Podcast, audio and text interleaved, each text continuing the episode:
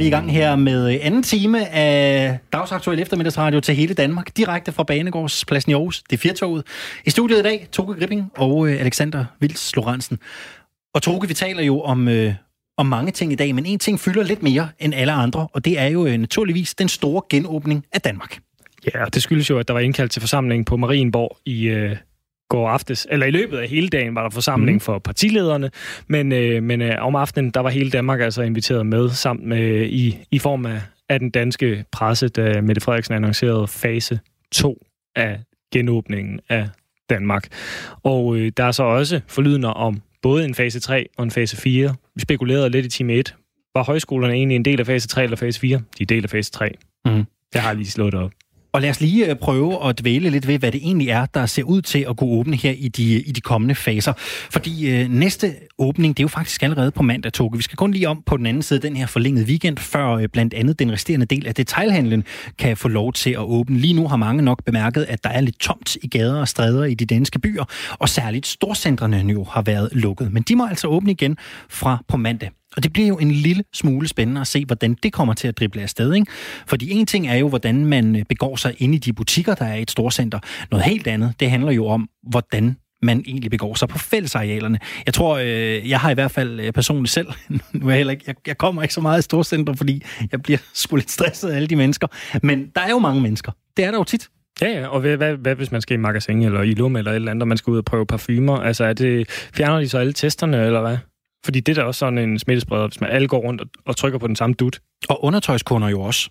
Øh, hvis, øh, de steder, hvor man sælger lingeri, eksempelvis, kommer jo også til at have en, en, lille smule, en lille smule udfordring. Der er en masse ubesvarede spørgsmål, som der skal finde svar på i løbet af meget øh, kort tid. Men de er jo i fuld gang ude i øh, butikkerne. Det udendørs idræts- og foreningsliv, det starter øh, også op igen, men vi er jo stadigvæk underlagt et forsamlingsforbud, der betyder, at vi ikke må mødes mere end 10 mennesker ad gangen. Og øh, det øh, kommer faktisk til at køre helt frem til juni forløbigt. Så det skal vi altså leve med lidt endnu. Ja, og hvis, at, øh, hvis det viser sig, at der kommer øget smittetryk i perioden, jamen så fortsætter det. Mm. Det er det, der, det er det, der er træls jo. Altså, fordi det kan være, at forsamlingsforbud bliver løftet, eller hvad man siger. Altså, at man må være op til 30, eller helt op ja. til 50. Men, øh, men hvis der er noget, der peger i den forkerte retning, når det kommer til smittetryk og smittespredning, jamen altså, så trækker regeringen i bremsen, og så må vi vente længere på fase 3.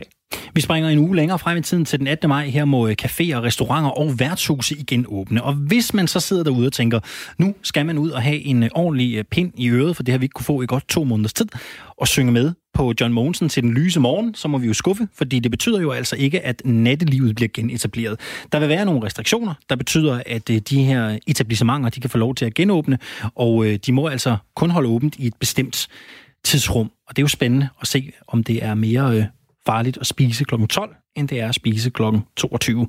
Det bliver vi jo sikkert klogere på i løbet af ikke ret lang tid. Det er jo noget af det, man sidder og forhandler om nu. Og blandt andet det, vi også hørte Annette Hyldebrandt fortælle om i sidste time, at nu skal der altså en forhandling i gang. Nogle drøftelser i gang mellem blandt andet øh, Horesta og øh, politikerne om, hvordan man egentlig skal gebærde sig som restauratør, når man skal genåbne her om kort tid. I forhold til den der med, om, øh, om, om det er mere farligt, havde jeg sagt, at gå ud og spise eller gå ud og drikke øh, sent på aftenen, eller tidligt på natten i forhold til, til tidligere, så, øh, så, så er der jo den her gamle ting med, når alkohol ryger ind, så ryger hjernen og forstanden ud, ikke? Og, øh, og, og det er jo faktisk sådan, at man har jo foretaget målinger, der viser, at folk de laver de skøreste ting, som regel også de lidt kriminelle af slagsen i tidsrummet mm. mellem 2 og 5 for eksempel. Så det kan jo være, det er der, man lægger restriktionen fra klokken 2. Det kan også være, at man lægger den fra klokken 12, bare for at være helt in the clear. Men det er altså simpelthen påvist, at folk bliver dummere øh, lige mellem 2 og 5 om natten der er folk hjernedøde. Det er en fornøjelse at have en, en rigtig journalist med på holdet her, øh, Toge. Der er, simpelthen, øh, der er simpelthen svar at få på alle spørgsmål. Hvis man er en af dem, der har glædet sig til at komme tur på biblioteket, så kan man også gøre det igen i fase 2. Det er fra 18. maj, men det er altså kun udlån og aflevering af bøger og andre materialer. Man kan altså ikke gå ned på biblioteket og sidde og læse avis og øh, hygge sig. De store skoleklasser, de kan også komme tilbage igen den øh, 18. maj. Det skal man jo også lige finde ud af, hvordan det rent fysisk skal gebærde sig. Og så er der nogle bestemte ungdomsuddannelser, der også kan få lov til at møde tilbage, blandt andet de øh, blandt andet erhvervsuddannelserne kan begynde at øh, komme tilbage. Efterskoleeleverne har også hungret efter at komme tilbage. Det kan de også gøre. En tur i kirken kan man komme, og så kan man altså komme i de zoologiske haver, der åbner op for bilister. Altså blandt andet, øh, ja, Givskud Zoo talte vi jo med i sidste time. Richard Østerbald, der er direktør der. De kan åbne for deres safari-del af, af den zoologiske have, men vi hørte ham jo også sige, og det vidste vi jo faktisk ikke, han ville sige. Vi hørte ham jo også sige, at det faktisk ikke er sikkert, at de, øh, at de kommer til at genåbne her den, den 18. maj. Ja, så lidt sådan en form for øh, proforma-genåbning, kan man mm. nok, nok kalde det. Hvis det ender med, at Giveskud Zoo ikke åbner, og Knuttenborg Safari har tilladt at åbne, men det, de har jo så haft deres safari-del åben siden 18. april, så er det jo sådan lidt. Fase 3, det er øh, den 8. juni, den går i gang, og her kan de øvrige zoologiske haver jo så åbne, og vi kan igen komme på museum, vi kan komme i teater, vi kan komme i biografer. Altså alle de der kulturtilbud, som vi også har været afskåret fra, dem begynder vi at kunne øh, benytte øh, der. Og øh, så vil man kunne komme tilbage på sprogcentrene. De står også til at åbne der, og AMU-centrene, hvor man også kan tage sin uddannelse. Højskolerne åbner også, som du var inde på lidt tidligere her i, øh, i øh, sektor 3, og så er det også der, hvor man begynder at sige, det er faktisk en del, det er en aftalt del af fase 3, at DR og TV2 kan blive fuldt åbnet igen, og altså alle de, de redaktionelle og administrative medarbejdere, de kommer tilbage. Til sidst kigger vi frem mod øh, fase 4, og den ligger altså lidt længere ude i fremtiden. Vi skal faktisk om på den anden side af industriferien. Vi skal helt frem til midten af august. Og her vil alle de uddannelser, som ikke er blevet nævnt, altså øh, åbne op igen. Det betyder jo blandt andet, at universiteterne kommer til at åbne der. De kan givetvis byde velkommen til et helt normalt semester igen, når vi rammer september måned. Det vil være der, vi igen får vores natteliv tilbage i form af diskoteker og natklubber, og så kan man altså igen komme i fitnesscenter. Alt det, det sker i midten af august. Og det er jo først i slutningen af august, at det helt store forsamlingsforbud, det er planlagt at ophøre. Altså det, der siger, at øh, forsamlinger på øh, 500 mennesker er forbudt. Så øh, hvis man øh, havde gået og drømt om en sommer med fuld musik, så at sige, og øh, et ordentligt festligt natteliv, så må man, øh, så må man jo nok glæde sig til 2021 i stedet. Ja, det ser sådan ud, og det er jo endda med forbehold, alt det her. Altså, det er jo netop med det forbehold, Afret. at der ikke sker nogen ændringer, og hvis der er noget, vi har lært af det her forløb, så er det, at ændringerne kan ske øh, relativt hurtigt, selvom det tager lang tid at måle på de ændringer. Så øh, vi krydser fingrene for, at Danmark er helt åben igen når vi når september. Og spørgsmålet er, øh, det har vi jo også talt om i Firtoget i den her uge, Toge. Hvad kommer det her til at betyde for din vision eksempelvis for øh, de elever, der går ud af gymnasiet, går ud af HF? Vi øh, har jo talt med øh, Danske Gymnasieelever Sammenslutning i den her uge om, hvorfor den her vogntur, den her mytiske vogntur, som rigtig mange lyttere også havde en holdning til, hvorfor den er så vigtig. Det kan være lidt svært at læse ud af det her, hvad der kommer til at ske med det egentlig. Ja, fordi den finder jo sted i øh, slutningen af juni. Det gør den. Og det vil sige, at der må der jo så være et forsamlingstilbud, der er tilladt, hvis så fremt, at øh, R0, altså smittetrykket, ja. det, øh, det forbliver intakt på mm. under 1, så, øh, så, så må det vel være tilladt skulle man gå ud fra, fordi så hæver de jo øh, forsamlings, øh, hvad skal man sige, forbuddet, eller de hæver det ikke, men altså, man må være, man må være op til 30. Og det, så vidt jeg er bekendt med, så er det da cirka der omkring grænsen går for sådan en gymnasieklasse. Er det ikke? Vi var, jeg tror, du vi var lige under 30, ja, tror jeg. Ja, vi var lige under 30. Men kan du huske ved den der, det talte jeg øh, med Anne Mette om tidligere på ugen, den der tur, den der vogntur. Kan du huske din vogntur? Ja, jeg kan da huske starten.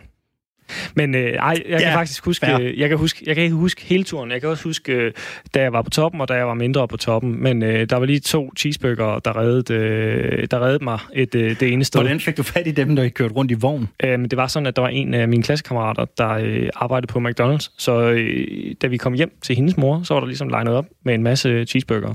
Og øh, jeg, jeg havde en i hatten og en i lommen, og øh, de reddede mit liv senere på, øh, på aftenen, kan, kan jeg næsten øh, sige. Du er jo en, en herlig ung mand, og du taler jo om det, øh, man i hvert fald husker turen for, den her vilde fest, men, men det var jo også en, en tur, der på mange måder ligesom var med til at flytte en fra et sted i livet til, til et andet. Ikke? Altså, det var kulminationen på tre års rigtig, rigtig hårdt arbejde. Det var en stund, hvor jeg i hvert fald synes, man kom lidt tættere på sine klassekammerater, end man måske ellers havde været de der tre år. Det var som om, at følelserne de sad lidt mere uden på tøjet. Det var en virkelig, virkelig øh, fantastisk tur, så jeg under virkelig de, de unge mennesker, de får den. Jeg håber virkelig, at, at det bliver muligt. Ja, det er, det er som om, at vi ikke rigtig tillader os selv at åbne op, før det ligesom så markerer man slutningen, og så er det tid til at være vemodig og, øh, og rørstrømsk og, og alt det der. Og det er jo egentlig det samme, bare uden øh, køreturen, som øh, for eksempel efterskolerne også øh, skal igennem, og de har så ikke lige tilbragt tre år sammen. De har tilbragt et enkelt år sammen, hvor de er gået op og ned af hinanden øh, dag ud og, og dag ind. Men det er jo store tudedage også, mm. som øh, de ligesom gerne vil tilbage og have, og have afsluttet på, øh, på ordentlig vis. Således et øh, kort overblik af, hvordan de næste faser kommer til at forløbe. Vi følger naturligvis med i det her på Radio 4. De sidste ord er bestemt ikke sagt. Det her, det er øh, Firtoget, hele Danmarks øh, aktualitetsmagasin, direkte her fra Banegårdspladsen i Aarhus. I dag i studiet er det to Gripping, og jeg hedder Alexander Vils Lorentzen. Og vi er her jo på Stor Bededag, Alexander. Ja, det glemte jeg faktisk lidt, da jeg skulle på arbejdet i morges. For jeg var helt ærlig, jeg havde sgu faktisk glemt, det var en hel dag. Jeg ved hvad, det er jo fredag. Altså, det kan vi jo så. Det, det er sådan, vi behandler den. Det er fredag. Men for nogle er det helligdag. Det er det for rigtig mange. Og øh, den hedder Stor Bødedag. Solen skinner, og der er lysegrøde blade på øh, lysegrønne, ikke lysegrøde blade, lysegrønne blade, der spiger frem på øh, træerne. Og øh, vi er i den sidste forårsmåned. Coronaen har givet os lidt mere tid til at gå og nusse om nogle ting. Det kunne for eksempel være haven, hvor man kan passe sine bed. Og nu har du lytter måske gættet, hvor er det er, vi er på vej hen. Det er store bededag. Vi skal lære at have os og holde os et godt bed. Og derfor så, vi stillet et spørgsmål. Hvordan laver man et godt stauderbed? Og stauder, det er de her blomster, der er nogen bliver kaldt stedsegrønne, øh, som øh, er rimelig hårdføre i bunden, men, øh, men som nogle gange krasser af, når, man, når det bliver kulde og, øh, og vinter. Men de er altså enormt flotte. De har forskellige farver, de her stauder. De har blomster i lilla, gule, orange, You name it. Og vi sagde jo, at vi ville markere Stor Bededag. Og ved du hvad? Det er jo den helt rigtige måde at gøre det på. Hvordan laver man et bed? Simpelthen. Og vi har allieret os med en gartner. Diana fra Planteskolen Plantorama i Vejle. Velkommen til. Tusind tak. Diana, kan du ikke starte med at fortælle os, hvordan laver man et godt stavtebed? Jo, det kan jeg sagtens. Jamen, øhm, for man laver et, øh, et godt stavtebed, så skal man jo sørge for at, øh, at plante noget godt jord. Øhm, det kan være alt fra, øh, fra, at man laver noget med noget jordforbedring, eller ja, bare jorden den er, er god fugtig. Øhm, og så skal man jo tænke over, øh, hvad det er for nogle stavter, man gerne vil have. øhm, et godt stavterbed er for mig personligt et stavterbed, som er godt øh, at plukke ind af. Altså, man tager en masse forskellige stavter, som man kan simpelthen plukke ind af og nyde indenfor i en vase. Øhm, så det er vigtigt, at man får nogle øh, der blomstrer på forskellige tidspunkter, øhm, så, man har, øh, så man har blomster i rigtig lang tid. Hvis, hvis vi lige skal lave lidt news you can use her, hvad, hvad, hvad, for, ja. nogle, hvad for nogle stavler skal vi så øh, have, have, have med i, i sådan et bed? Ja, men altså, øh, så synes jeg, at øh, man skal gå efter dem, der, der, der blomstrer i rigtig længe. Øhm, og der har øh, vi for eksempel her i Plantorama øh, noget, som vi øh, kalder lupiner. Øh, man ser dem også ved motorvejen. Når man kører rigtig langt, så står de tit derude og blomstrer i rigtig mange forskellige farver. Øhm, vi har noget, der hedder ridderspore. Øh, bunderoser, som man også kalder det. øh, noget pioner, øh, storkenæb, som også findes i rigtig mange forskellige farver. Øh, jamen alt fra blå til lyserød til hvid til rød. Øhm, øh, der er brudsfør, øh, kæmpe stenbræk. Der er rigtig mange forskellige ting, som blomster lige nu, som, som gør sig rigtig, rigtig flot i et stavterbed. Er der nogen stauder, som er lidt nemmere at tage sig af? Altså, er de, er de, nu sagde jeg, at de var lidt hårdføre, de her. De, at de øh, øh kan være stedsegrønne, i hvert fald under de rette øh, omstændigheder. Men, øh, men, men skal man kære sig sådan? Altså, er der nogen, der, der måske hvad skal man sige, ikke kræver så meget pleje? Altså, hvor man, hvis man er nybegynder og lidt uforsigtig og så videre, så kan man stadigvæk godt holde liv i dem. Ja, og det, det vil jeg sige, at dem jeg, jeg nævnte, for eksempel øh, lupinen eller bunderoserne, øh, storkenæb, det, det er stauder, som, som passer sig selv. det er ikke sådan noget, man, man, skal, man skal gå og være så meget over. Øh, så det, vil jeg, det, det er sådan dem, jeg vil kalde gode begynderstauder.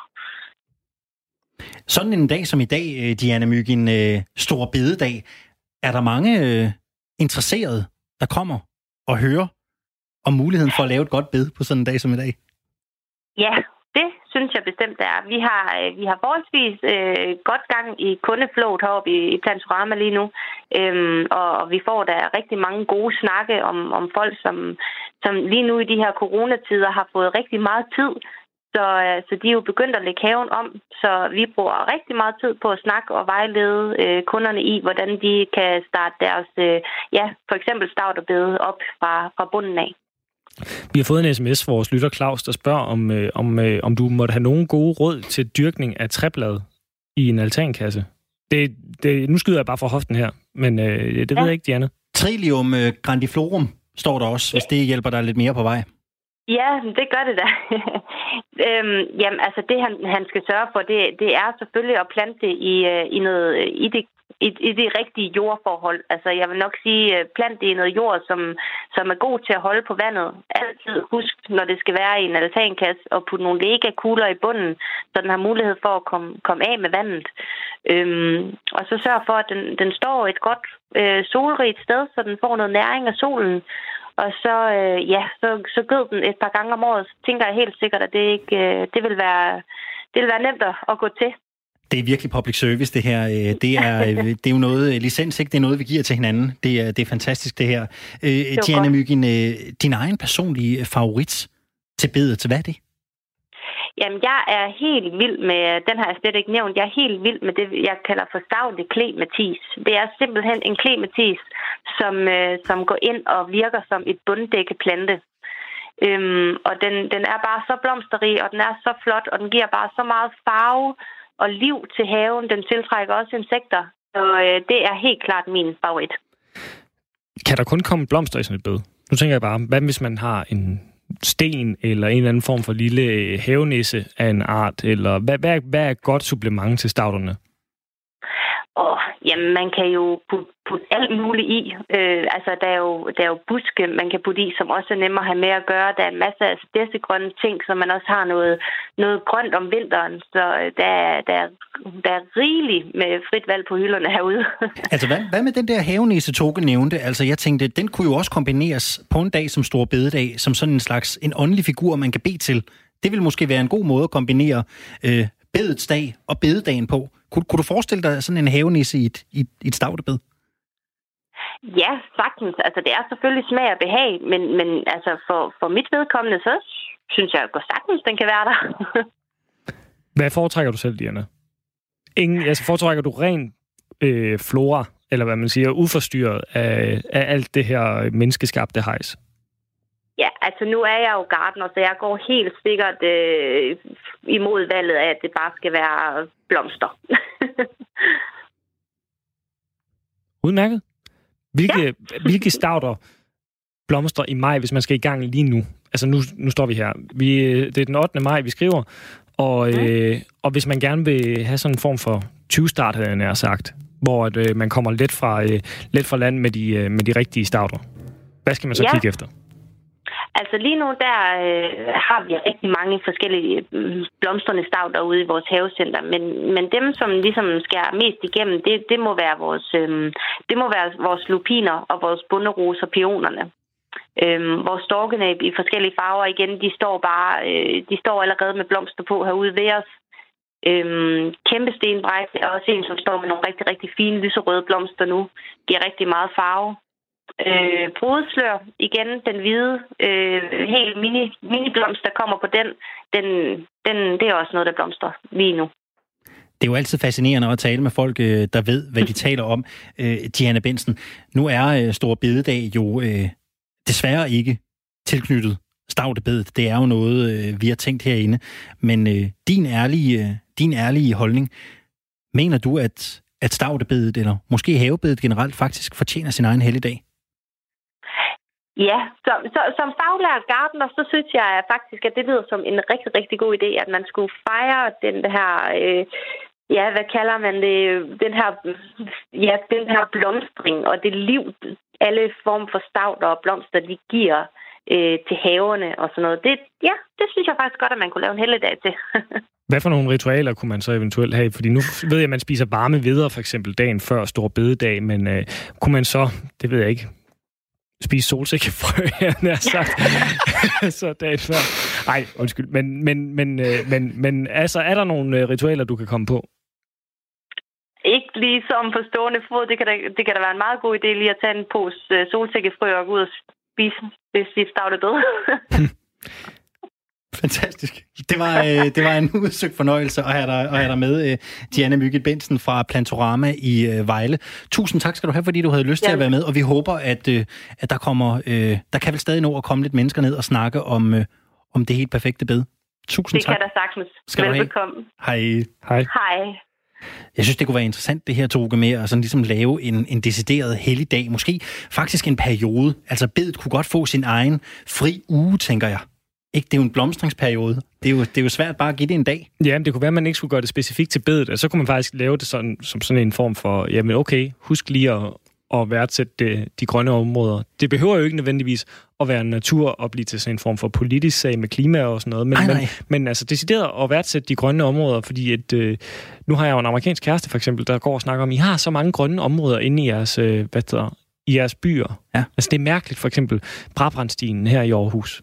Så er der et grønt område med altså lidt, øh, hvad der, lidt vand og lidt å, og, og så går der nogle køer inde midt på. Det er noget mærkeligt noget. Det vil man aldrig have en by i, i USA. Der er så lige Central Park, der måske er undtagelsen, hvor der er en zoologisk have og sådan noget inde i. Men, men you get the idea. Altså, øh, lidt mere fokus på de grønne områder måske. Og det Inklusiv. Det ville jo ikke være første dag. have en enkelt dag den uge jo. Det ville ikke være første gang. Altså, vi har jo allerede gået nøgen i haven dag. Det er jo allerede en mærkedag, som vi lidt har tildelt. Den er jo ikke, det er jo ikke blevet en heldig dag nu, desværre. Nej, det kommer. Det er mere blevet sådan en dag, man frygter ikke. Det er sådan en dag, man ikke rigtig har lyst til ude i, øh, ude i parcelhuskvarteret. Ikke? Man bliver indenfor. Man er bange for, hvad naboen nu kan finde på. Men det synes jeg, vi skal, skal vide, hvad han gør, hvis man gerne vil have sådan en heldig dag indført. Hvem skriver man til? Er det kulturministeren? Er det Joy Mogensen? Ja, uh, der fanger du mig på det forkerte ben. Det kan godt være, det er der. Jeg havde at, ikke øh, forventet, du vidste det på stående fod. Nej, Jeg skulle men, bare teste dig. Øh, men, øh, men lad, os da, lad os da undersøge det og, øh, og finde ud af det. Så kan vi komme med en, en række forslag. Jo. Så øger man måske sandsynligheden, hvis man skyder med spredhavl, så øger man sandsynligheden for, at man får tildelt en, øh, en bededag. Der er jo andre ting, vi også har haft øh, gang i før. Det kan være, at man skulle have ja, en heldig dag til... Nej, lad os starte med, lad os starte med bederne. Jeg kan ikke komme på noget andet lige nu. Jeg synes, vi skal, starte et sted. Ikke? Vi, vi, starter, vi starter i det små.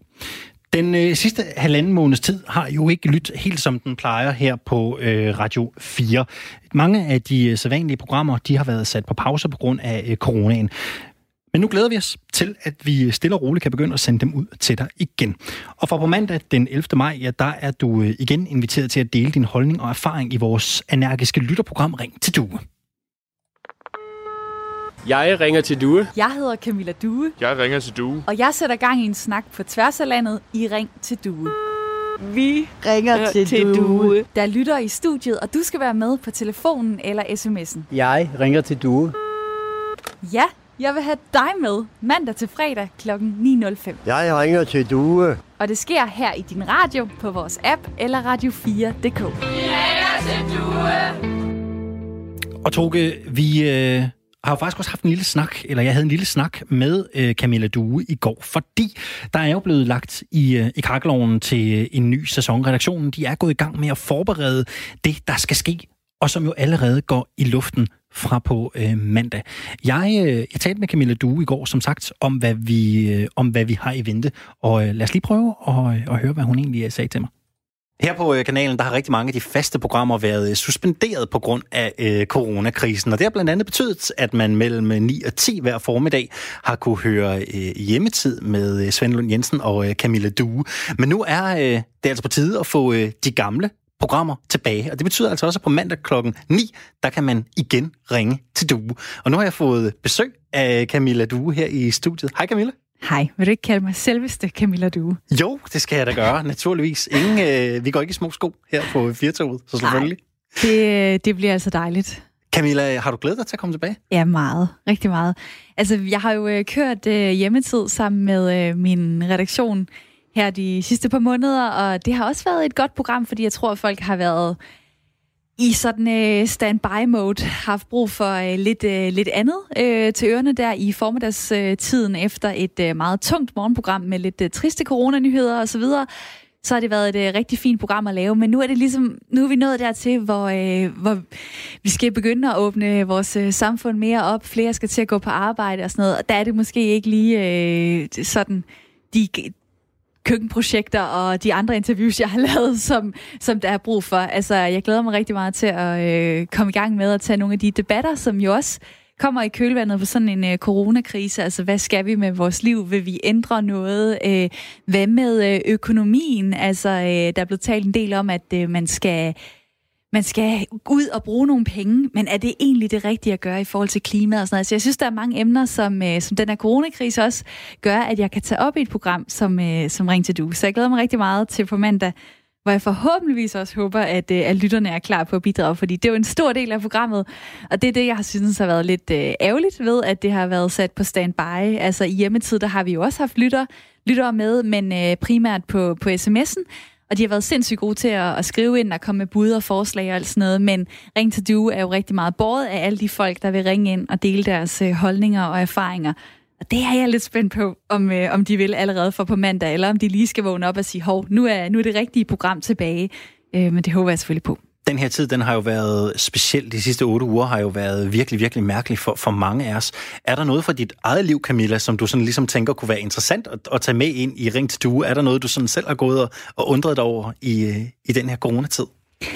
Altså, jeg har da rigtig meget øh, tænkt på, øh, hvad, lever jeg mit liv på den rigtige måde? Altså, bruger jeg min tid rigtigt? Øh, har jeg gang i for mange ting, eller burde jeg i virkeligheden øh, se den her coronakrise som en måde at ligesom øh, stoppe op på, og så sige, at der var et liv før corona, der var et liv efter.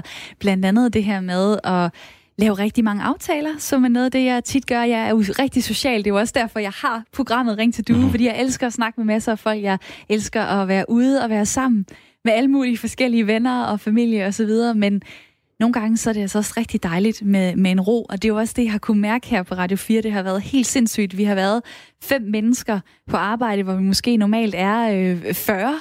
Så det at komme på arbejde har jo været en helt anden oplevelse hver eneste dag.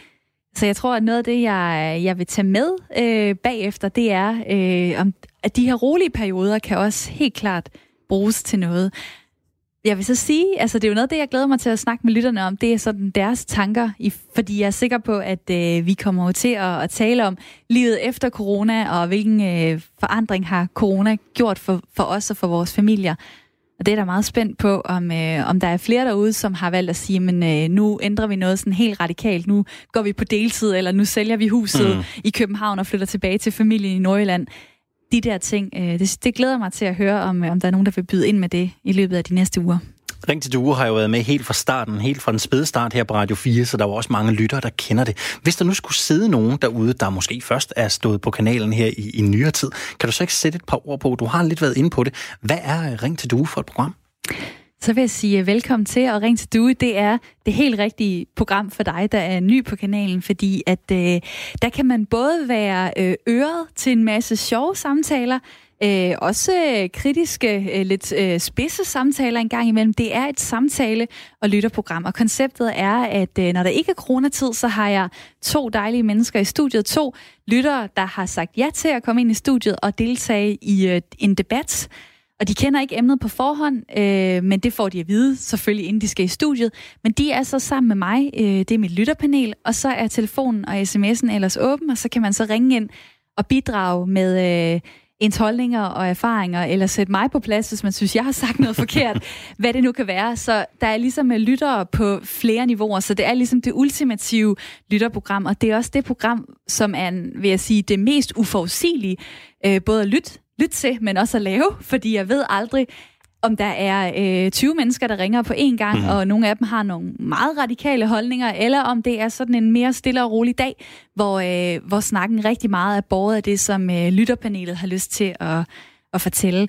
Men jeg har faktisk øh, taget et klip med, fordi jeg godt lige kunne tænke mig at, at vise, hvad, hvad Ring til Du er for noget, og også det her med, at øh, nogle gange så kommer jeg ind i en snak med en lytter, og jeg ved jo ikke rigtig, hvor den her snak slutter, fordi det er ikke forberedt. Og det synes jeg, det her det er et, øh, et meget godt eksempel på. Og øh, i starten øh, af, af programmets levetid, der havde vi øh, et program om sort arbejde, fordi der var lige kommet nogle nye tal om, hvor, hvor mange af os, øh, der arbejder sort. Og det var rigtig mange. Så jeg var egentlig bare sådan meget i åben modus og sagde, hvad tænker du om sort arbejde? Altså, kunne du selv finde på at lave det? Kender du nogen, der har lavet det? Har du lavet det? Hvad er det egentlig, der får dig til at gøre det? Øhm, og så, så skete der det her. Vi har en øh, lytter, der har ringet ind til programmet. Det er Simon. Hej. Ja, hej. 39 år vinduespusser. Ja, og det er mit eget firma, vil jeg sige. Men, men jeg har da tit oplevet, at folk sådan lidt automatisk går ud fra, at jeg arbejder sort.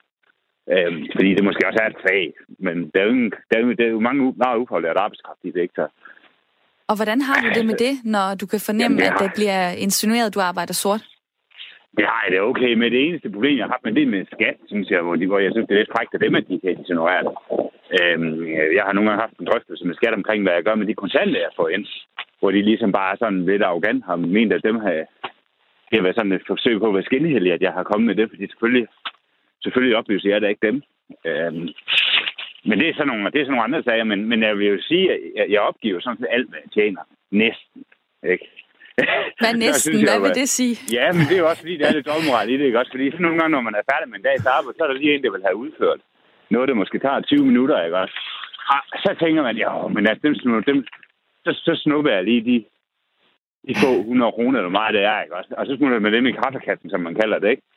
Altså, og det vil jeg da gerne indrømme, ikke også? Men jeg, jeg, jeg, oplyser, jeg oplyser jo 95 til 98 procent af det, tjener, så, og så snupper jeg lige en lille smule. Og det vil jeg skyde på om året, at det er jo ikke det store beløb, men det er jo lidt dobbeltret i det, men samtidig så synes jeg da også, at det skal der også være plads til. Altså, Hvorfor skal der egentlig det? Fordi du vil vel også gerne øh, kunne komme til lægen, og du vil vel også gerne kunne komme på plejehjem, og du vil også gerne have øh, kontanthjælp, hvis du når derud. jo, men altså, det synes jeg også, at øh, det... det øh, jeg, jeg betaler jo ret meget i forvejen. Altså, og det er, det er jo bare småpenge. Altså, det, men har du brug for de penge? Jamen, dem må, det, det, er jo, det er jo sådan en slags lille... Det, det er jo... Altså, brug for det kan du altid sige, men altså... Det synes jeg jo, at det, jamen, altså, det er jo... Det er jo lommepenge, som kalder det. Eller hvad kan man Det er jo, det er jo måske lidt for voksne til at kalde det, men... Men det er jo sådan en slags... Det er derfor, vi kalder det en kaffekasse, ikke? Det er jo fordi, det er jo, det er jo småting sammen. Carsten i mit Men- lytterpanel vil, vil gerne lige sige noget. Hvad, hvad kunne få dig til at, til at lade være med det, og hvad forhindrer dig i at sige, jeg skriver lige en faktura, det koster 150 kroner, du får en faktura. Hvad forhindrer dig i at gøre det? Det er fordi, at øh, jeg synes, at det, det er i orden, jeg snupper den. Der er, øh, der er mange nuancer i sådan en snak her, var. Han ringer ind for at sige, at det er da ja, irriterende, at skat de tror, at han arbejder sort, og så øh, tager snakken den drejning, at øh, det gør han så åbenbart også en gang imellem, men det er så åbenbart lige i orden, lige de få gange.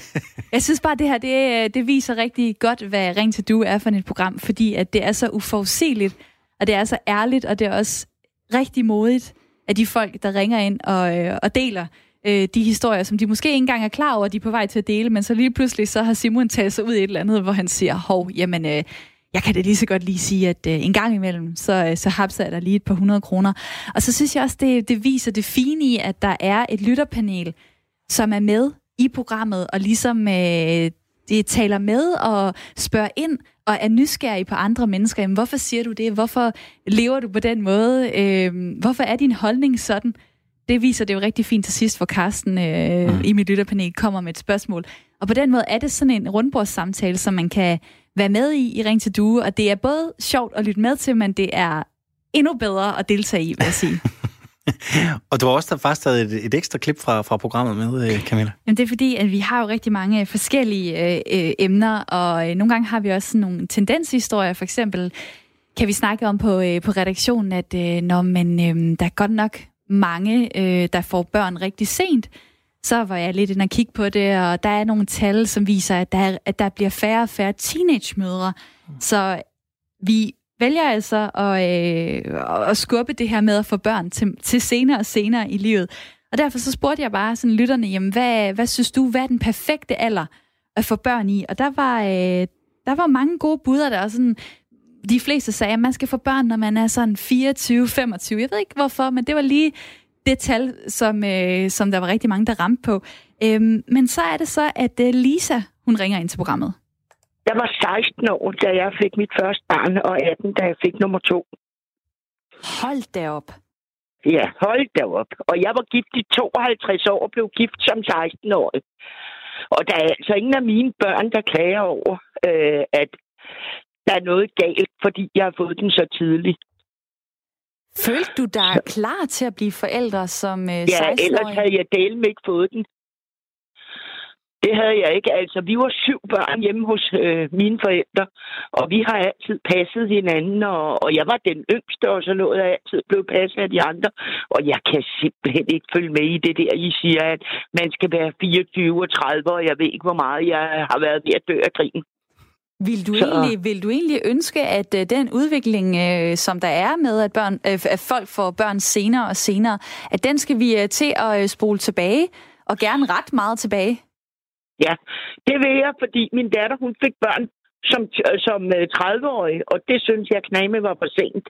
Og det kan hun godt se i dag, at hun, øh, hun er træt og har været øh, mere træt på andre måder, end jeg var, da jeg fik børn. Sådan kan man jo nogle gange lære af den ældre generation. Det er så fantastisk, når, øh, når der er folk, der ringer ind og lige på en eller anden måde øh, faktisk også bryder med måske mine egne fordomme. Ja. Fordi at øh, jeg forsøger jo at øh, ja, jonglere med øh, masser af holdninger med et eller andet sted, så har jeg jo også et standpunkt, når jeg går ind og laver et, øh, et program. Øh, og... Øh, og der synes jeg bare, at det er, det er så fedt at mærke, når lytterne de er uenige, så ringer de rigtig meget ind og vil rigtig gerne sige, hvorfor at øh, Lisa for eksempel synes, at vi får altså børn alt for sent, og vi skal da bare have dem, når vi er 16 og 18 år. Det kunne hun slet ikke se noget øh, problem i. På den måde, så synes jeg faktisk, at Ring til Due, det er et af de mest ærlige, særlige øh, radioprogrammer, der findes, fordi det er så meget borget af, af lytterne, og den øh, direkte øh, adgang, de har til at komme i radioen og ligesom øh, dele deres øh, holdninger og også erfaringer øh, med, med det liv, øh, de har levet. Og, øh, og det kan da godt gøre, altså, at, at jeg kan ændre holdning. Det kan også gøre, at mit lytterpanel siger, at det øh, mm. aspekt havde vi da ikke lige set. Øh, så det er, det er bare så dejligt, når der er folk, der ringer ind fra hele landet jo, og deler øh, det, de tænker. I har jo lavet programmer om alt lige fra sort arbejde, som vi hørte, til, til sugar dating. Er der nogle programmer, er der, er der sådan et særligt program, der har gjort ekstra indtryk på dig, hvis, hvis du tænker tilbage? Uh. Jeg har jo lidt, virkelig været lidt meget omkring tavligt. Jamen altså, fordi jeg var lige inde og kigge på, øh, på programlisten øh, den anden dag, og det er jo, det er jo alt fra sådan noget øh, alternativ øh, behandling. Øh, er det fup, eller øh, kan det ændre dit liv til øh, noget, der virker sådan relativt simpelt, hvad er dit forhold til dit fornavn?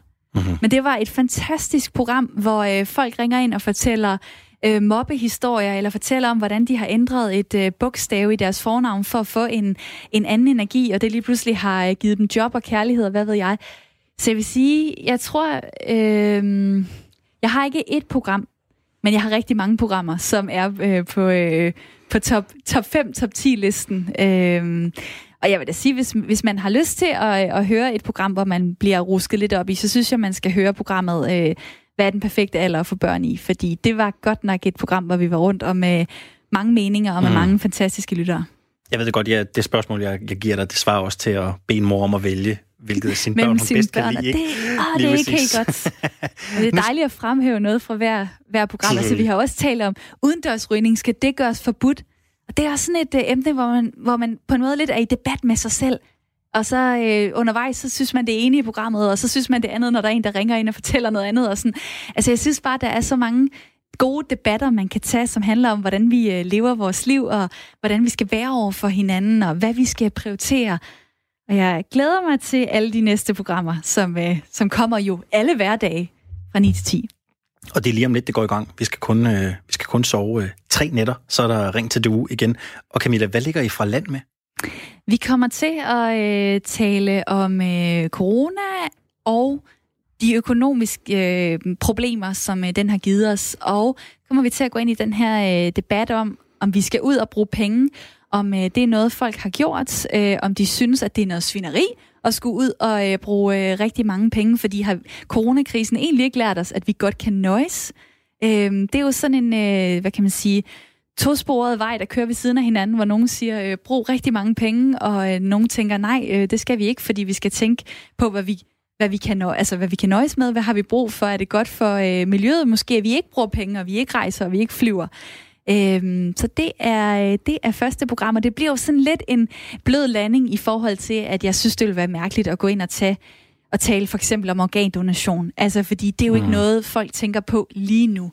Men det kommer, vi kommer til at løsne op stille og roligt, så vi måske skruer lidt ned for coronafaktoren, og så øh, op for, øh, for nogle af de andre debatter. Jeg vil også godt lige nu at sige, at øh, hvis, øh, hvis der er nogen, der sidder derude og tænker, jeg har et eller andet emne, som jeg enten har talt med en ven eller et familiemedlem om, eller set i medierne, eller et eller andet, som jeg synes er en god debat, man kunne tage, så øh, vil jeg rigtig gerne høre det forslag, og man kan sende mig en mail på ring til radio4.dk. Og øh, så sidder jeg og læser alle de her forslag til emner, og så kan det være, at man kan tænde for radioen i næste uge og sige, hov, det var da egentlig mig, der, havde, øh, der var kommet med den her idé, og så øh, blev det til et ring til due-program. Og det er simpelthen ring til du ude i et snabelag Radio 4. Ring til du, snabelag Radio 4.dk. Der kan man også øh, byde ind, hvis man rigtig gerne vil være med i lytterpanelet.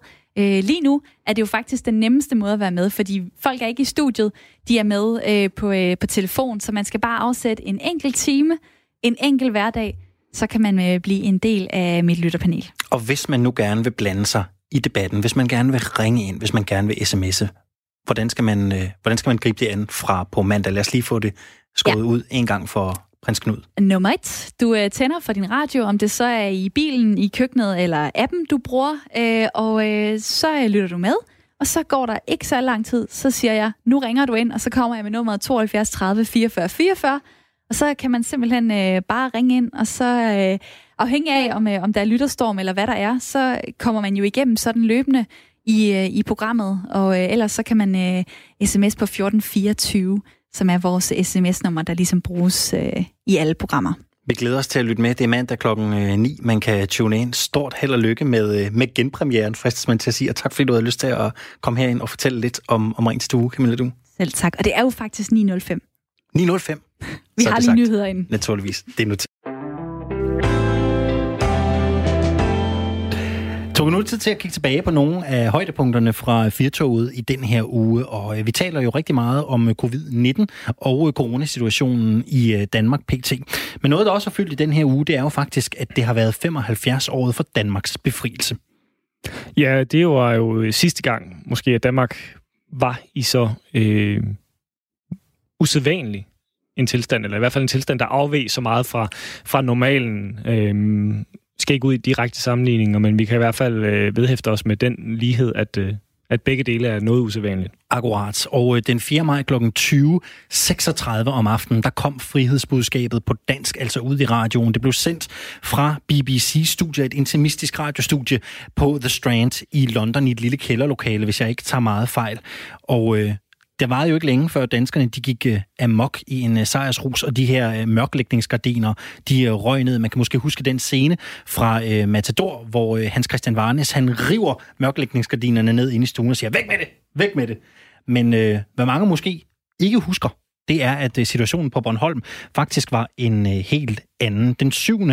maj, der blev Nexø og Rønne bombarderet af sovjetiske fly, og den 9. maj, der gik sovjetiske soldater i land på Bornholm, hvor øh, besættelsen altså gik fra tyskerne til russerne. De oplevede simpelthen på Bornholm at blive besat to gange lige efter hinanden. Og det gjorde de jo, øh, fordi at området, havområdet Østersøen, var vigtigt for tyskerne i forhold til at få de tyske soldater sejlet tilbage til Tyskland. Derfor mente man altså fra sovjetisk side, at, øh, at, man, måtte, at man måtte gøre noget på, øh, på Bornholm. Nogle har sagt, at det var lidt meningsløst, fordi tyskerne jo i forvejen havde overgivet sig. Vi talte i øh, tirsdags med museumsinspektøren på Bornholms Museum, han hedder Jakob Serup, og vi spurgte ham, hvorfor det egentlig var nødvendigt for Sovjet at være på Bornholm i et helt år. Det var måske ikke en direkte nødvendighed, øh, men afspejler mere den usikkerhed, der generelt herskede i, øh, i øh, Europa i slutningen og, og, og øh, sådan det umiddelbare efterspil efter, efter 2. verdenskrig. Øh, man skal jo forestille sig, at, at, at hele hele øh, afslutningen på krigen var et kæmpestor logistisk apparat. Altså man skulle jo sende 100.000 vis af tropper og våben og forsyninger øh, den ene vej og den anden vej. Nogle tyskere skulle gå i fangenskab. Øh, øh, de befriede områder skulle, øh, skulle administreres, og, og øh, øh, der faldt Bornholm ligesom lidt imellem to stole, fordi Bornholm havde ligget øst for den linje, som man havde aftalt, at, øh, at, at øh, de, de to øh, hære, altså den, hvad kan vi sige, de vestallierede, øh, i Danmarks tilfælde britterne, at de skulle marchere ind i Danmark, men Bornholm havde man ikke lige overvejet, den lå faktisk øst for, så det var altså der, hvor at at, at de sovjetiske soldater, de skulle, de skulle øh, marchere øh, ind. Øhm, så, så derfor, så, når de nu var her, så, øh, så blev de, og det gjorde de jo også i, i det, der så sidenhen blev til, til Østtyskland og i Polen og så videre. Og det blev jo en 70 år lang øh, tilstedeværelse, for ikke at sige besættelse. De sovjetiske soldater gjorde ikke meget væsen af sig øh, på Bornholm. De holdt sig jo meget for sig selv. Hvordan bemærkede Bornholmer dem i, øh, i hverdagen? Jamen, der var, øh, altså, der, der var et vist samkvem mellem Bornholmerne og russerne, og, og øh, i begyndelsen, så var man jo sådan meget øh, betaget betaget af, de her øh, folk, og synes, det var, øh, det, det var jo meget anderledes kultur. Øh, de første stødtropper, der kom, det var jo det var det, øh, altså, virkelig kamphærdede øh, typer, øh, som, som kom østfra i Sovjetunionen, så de, de havde sådan lidt skæve øjne og så sådan lidt øh, meget øh, eksotiske ud. Og så var der jo også det fænomen, at de havde kvinder med øh, øh, i uniform. Det var, det var jo øh, helt specielt for, for den øh, sovjetiske her. Øh, Hvordan oplevede man i dagligdagen? Jo, altså antallet af cykeltyverier steg markant. Øhm, og selvfølgelig var der jo mange øh, unge mænd med, med våben, og der var, der var meget, øh, der, der, var, der, der var meget druk. Øh, og, og, og det der fulgte af det. Så der var nogle voldtægtssager og, og, og nogle øh, tyveri- og røverisager. Øh, men der blev lagt meget låg på, Øh, dels selvfølgelig fra de russiske øh, officerer, som søgte at, at stanse det her med, med al magt, og der var jo også henrettelser øh, i enkelte tilfælde af, af, af soldater, der havde forgrebet sig. Men faktisk også øh, fra de danske myndigheders side, hvor man simpelthen sagde til pressen, at de skulle ikke skrive om det, der skete. Fordi man altså situationen, den politiske situation var uafklaret, men man ønskede ikke at, øh, at provokere øh, Stalins øh, her, øhm, og, og, og man var klar over, at der foregik forhandlinger i Moskva om, hvordan man skulle, ligesom skulle afvikle den her situation. Så derfor så, så lagde man rigtig meget låg på de øh, modsætninger, som var. Lød det altså fra øh, museumsinspektør på Bornholms Museum, Jakob Serup, i anledning af, hvad skal man sige, frisættelsen, ikke besættelsen.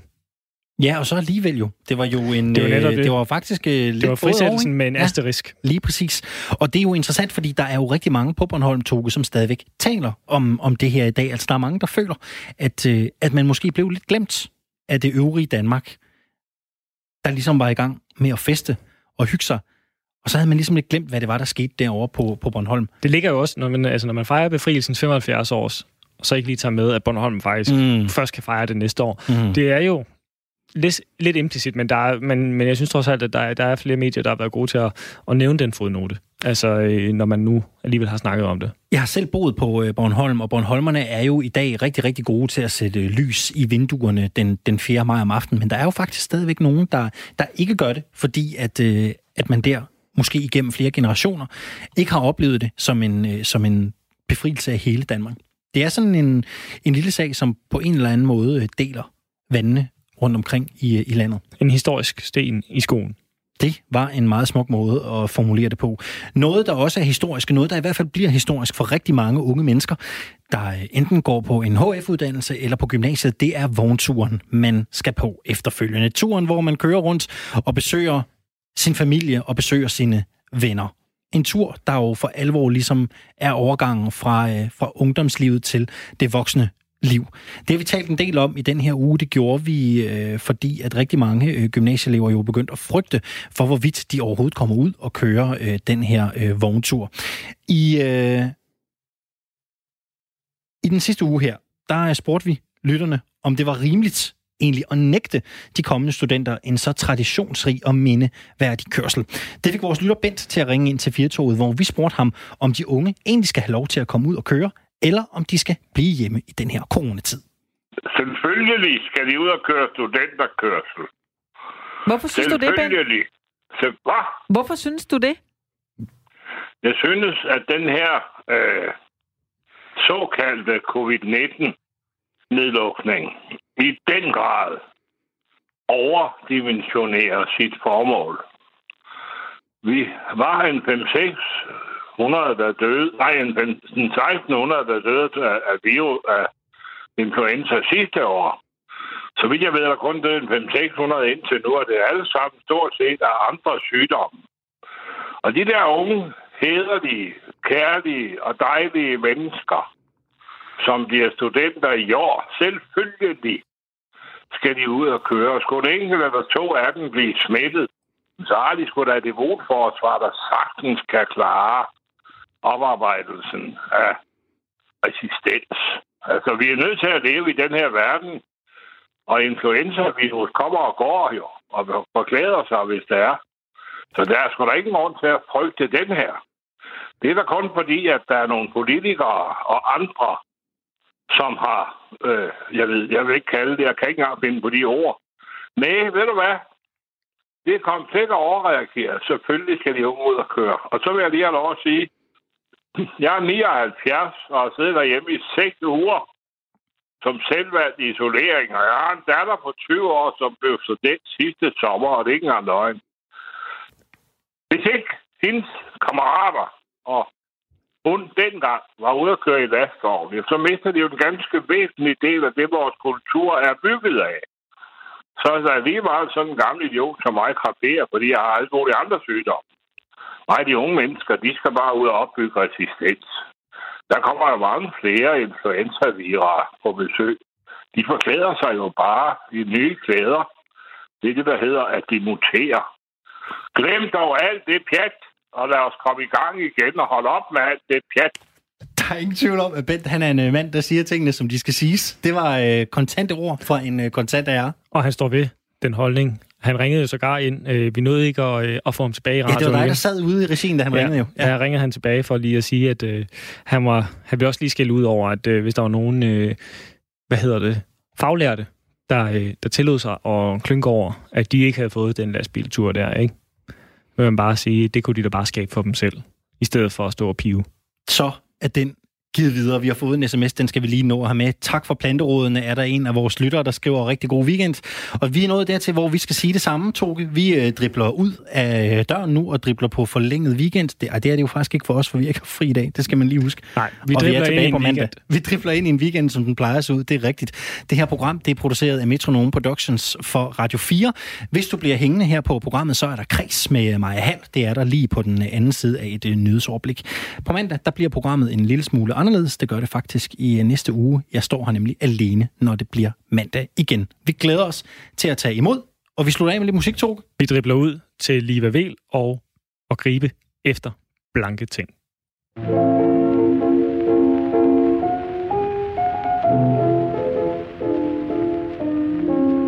Gribe efter blanke ting Vil være et lille grådigt barn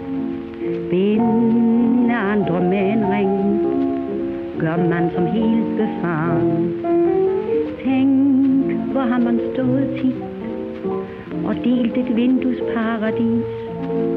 Helle, helle, det er mit Og livet går på samme vis. Man binder os på mund og hånd Med vanens tusind fine bånd. Og det er besvær